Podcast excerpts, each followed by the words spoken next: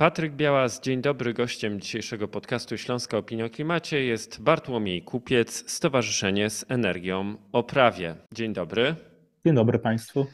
Popełniliście wspólnie, Bartku, z y, Olkiem Szporem taki artykuł dla Klubu Jagiellońskiego Nowy sposób na walkę z ubóstwem energetycznym na polskiej wsi. Ten artykuł znajduje się właśnie na wspomnianej stronie www.klubjagielloński.pl. Natomiast gdybyśmy zaczęli, gdybyś na początku wytłumaczył naszym słuchaczom, co to jest ubóstwo energetyczne.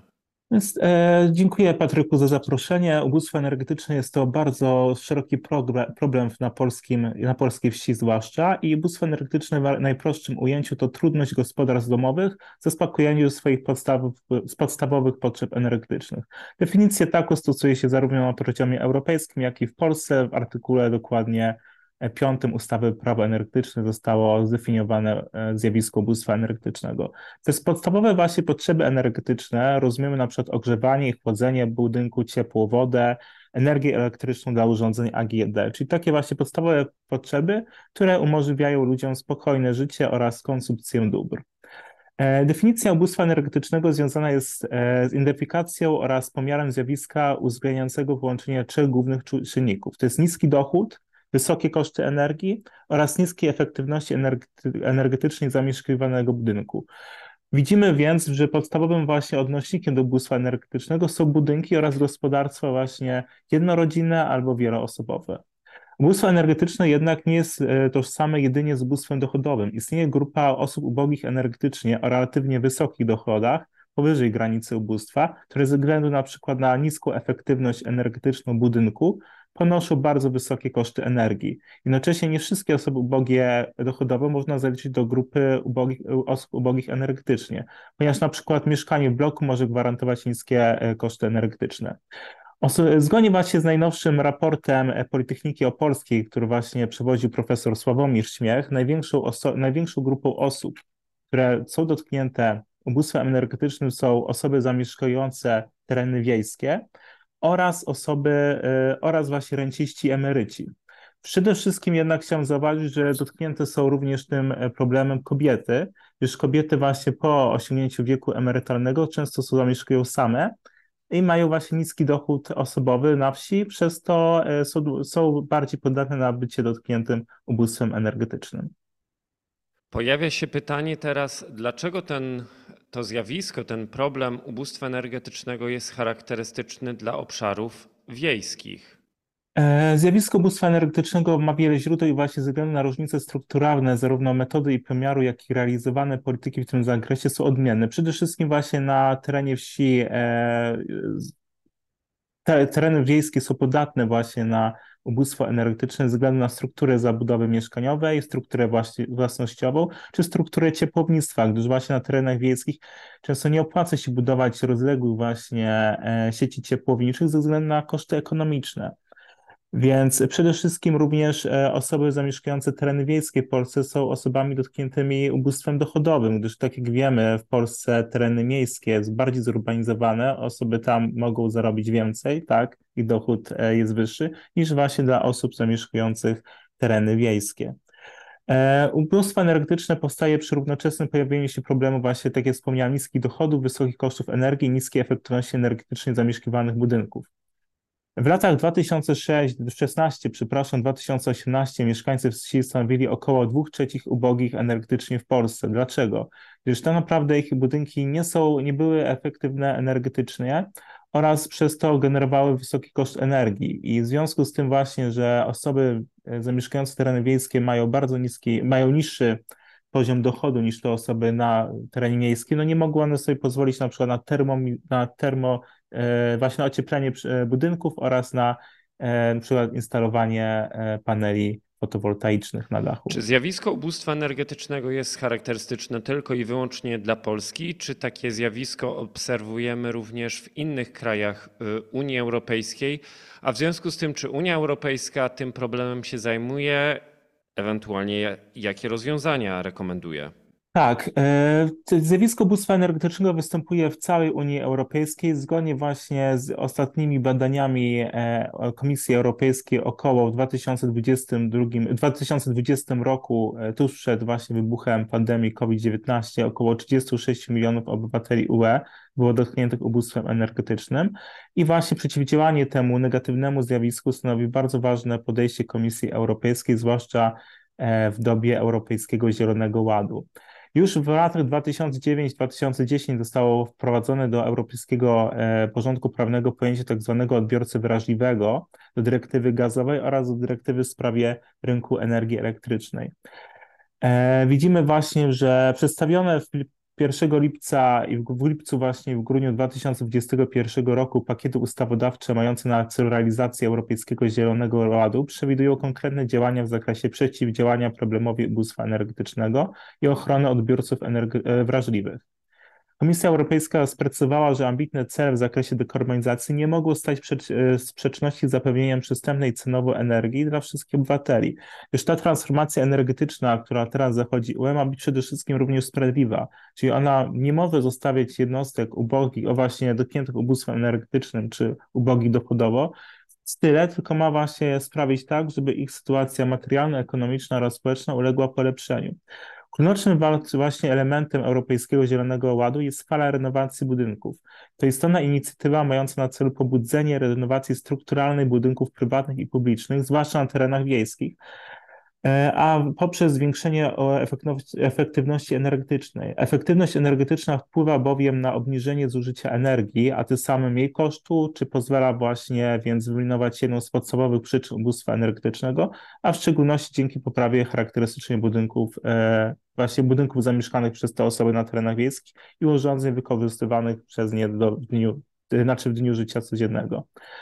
E, w wielu właśnie strategiach unijnych wskazano, co można zrobić. Na przykład EU Solar Strategy to jest właśnie taka unijna strategia do spraw rozwoju e, fotowoltaiki. Państwa członkowskie UE właśnie w tej strategii, że państwa członkowskie Unii Europejskiej powinny wspierać partnerstwa między władzami lokalnymi, społecznościami energetycznymi i zarządcami mieszkań socjalnych, aby ułatwić realizację programu zbiorowej i indywidualnej konsumpcji e, energii w celu redukcji ubóstwa energetycznego.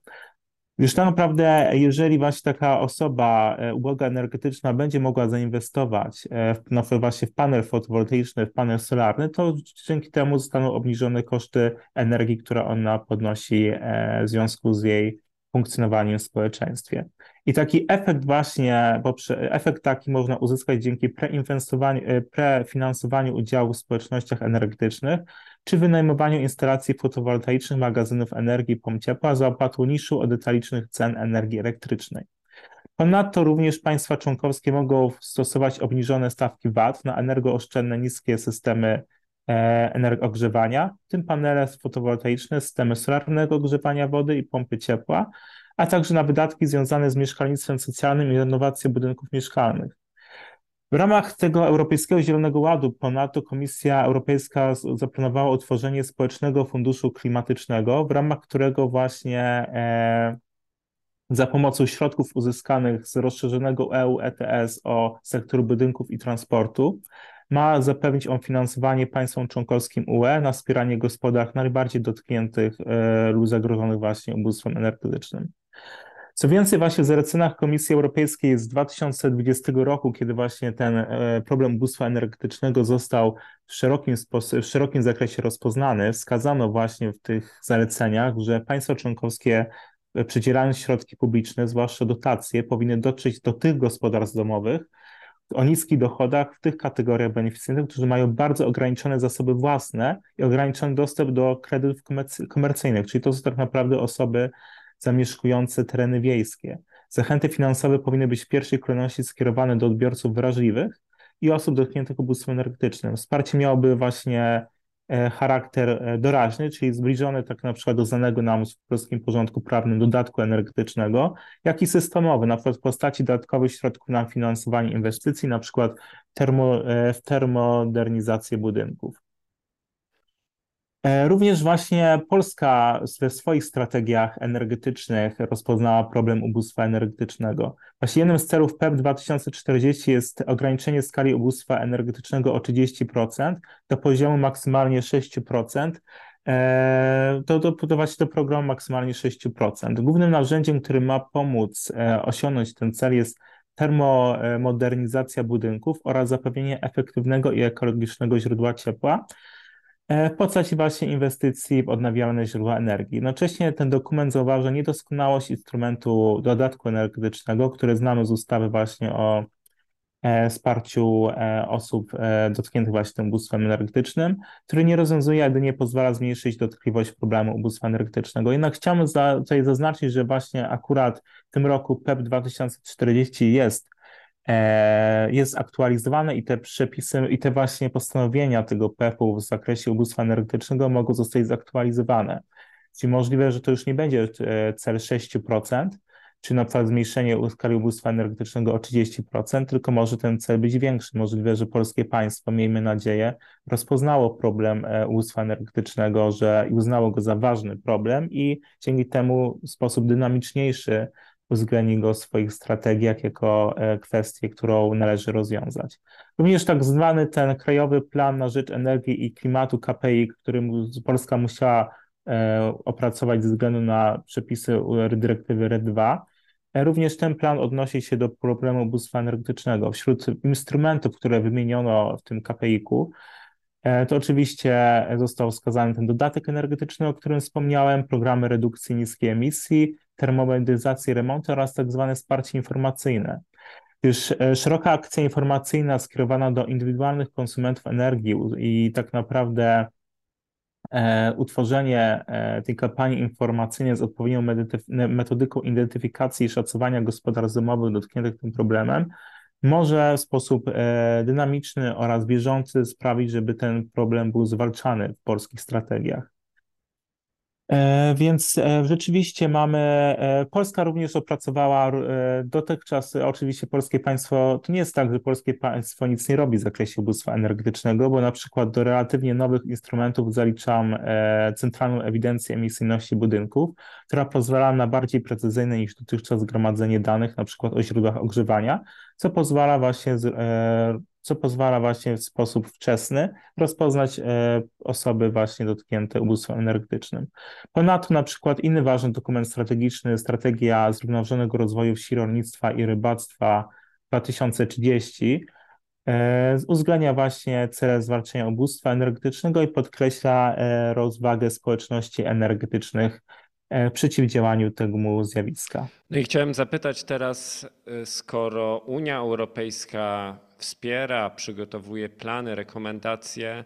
Skoro polski rząd również ma strategie i programy w e, obszarze walki z ubóstwem energetycznym, a może problem ubóstwa energetycznego jest obecny w rządowych dokumentach, to chciałem zapytać, jak lokalne społeczności mogą walczyć z tym zjawiskiem i jaką rolę te społeczności lokalne, zwłaszcza na obszarach wiejskich, odgrywają w tej walce?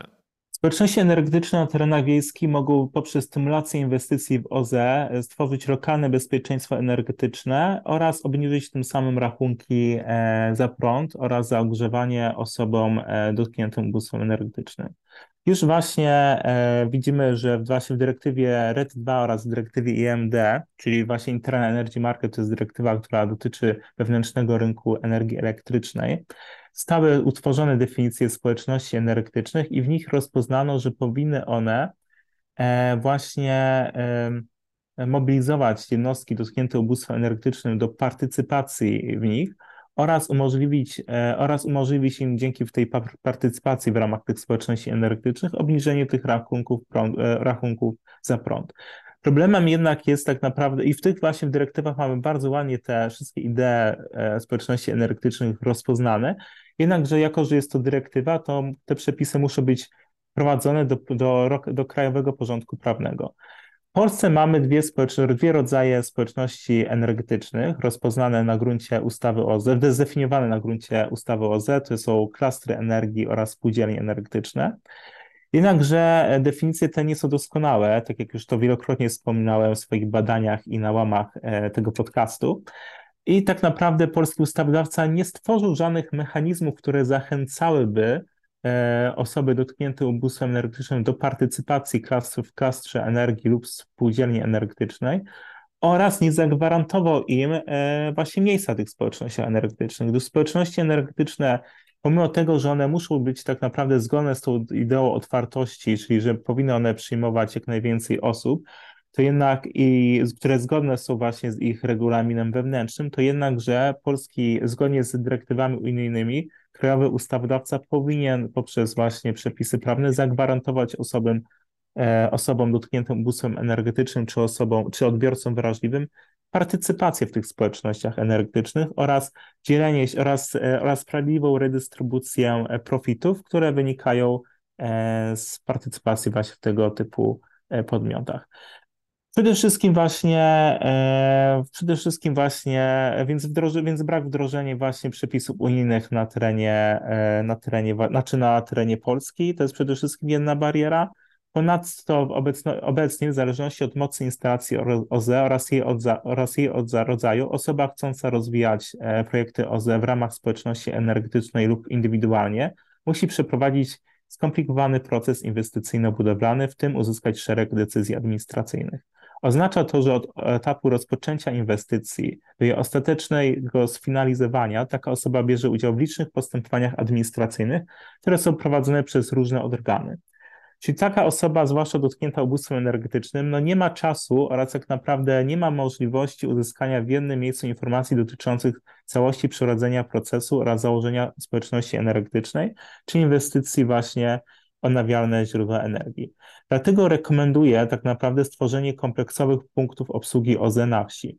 Dalszy rozwój społeczności energetycznych wymaga, tak jak wspomniałem, pełnej transpozycji unijnych dyrektyw w tym zakresie. Potrzebne jest opracowanie i wprowadzenie programu finansowo-mentoringowego dla nowo powstających społeczności energetycznych na terenach wiejskich oraz dla osób dotkniętych ubóstwem energetycznym, żeby skazać im korzyści oraz szanse, jakie wiąże się jednoczenie się na terenach wiejskich w, te, w tego typu podmioty.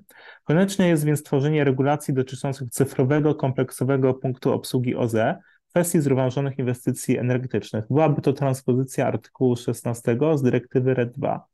I taki polski punkt byłby osadzony na przykład w ramach Urzędu Regulacji Energetyki. Miałby on za zadanie przeprowadzić wnioskodawcę, tak, czyli tego inwestora, to dotkniętego ubóstwem energetycznym na przykład, jest procedurę rejestracji społeczności energetycznej lub administracyjnej procedury uzyskania decyzji wymaganych w procesie inwestycyjno-budowlanym.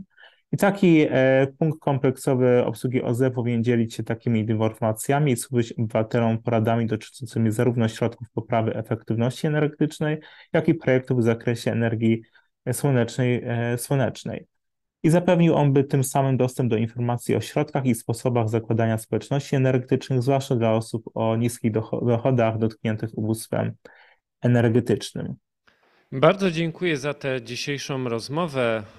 Y, moim gościem był Bartłomiej Kupiec ze Stowarzyszenia z Energią o Prawie, a tych, którzy są zainteresowani szczegółami związanymi czy to ze wspomnianymi y, w sposób dosyć ogólny rekomendacjami, czy dobrymi praktykami w Polsce, odsyłam do tego raportu, tej analizy zamieszczonej na stronie www.klubjagielloński.pl. Dziękuję bardzo za dzisiejszą rozmowę. Dziękuję za zaproszenie. Życzę udanego dnia. To był podcast zrealizowany przez Stian Media.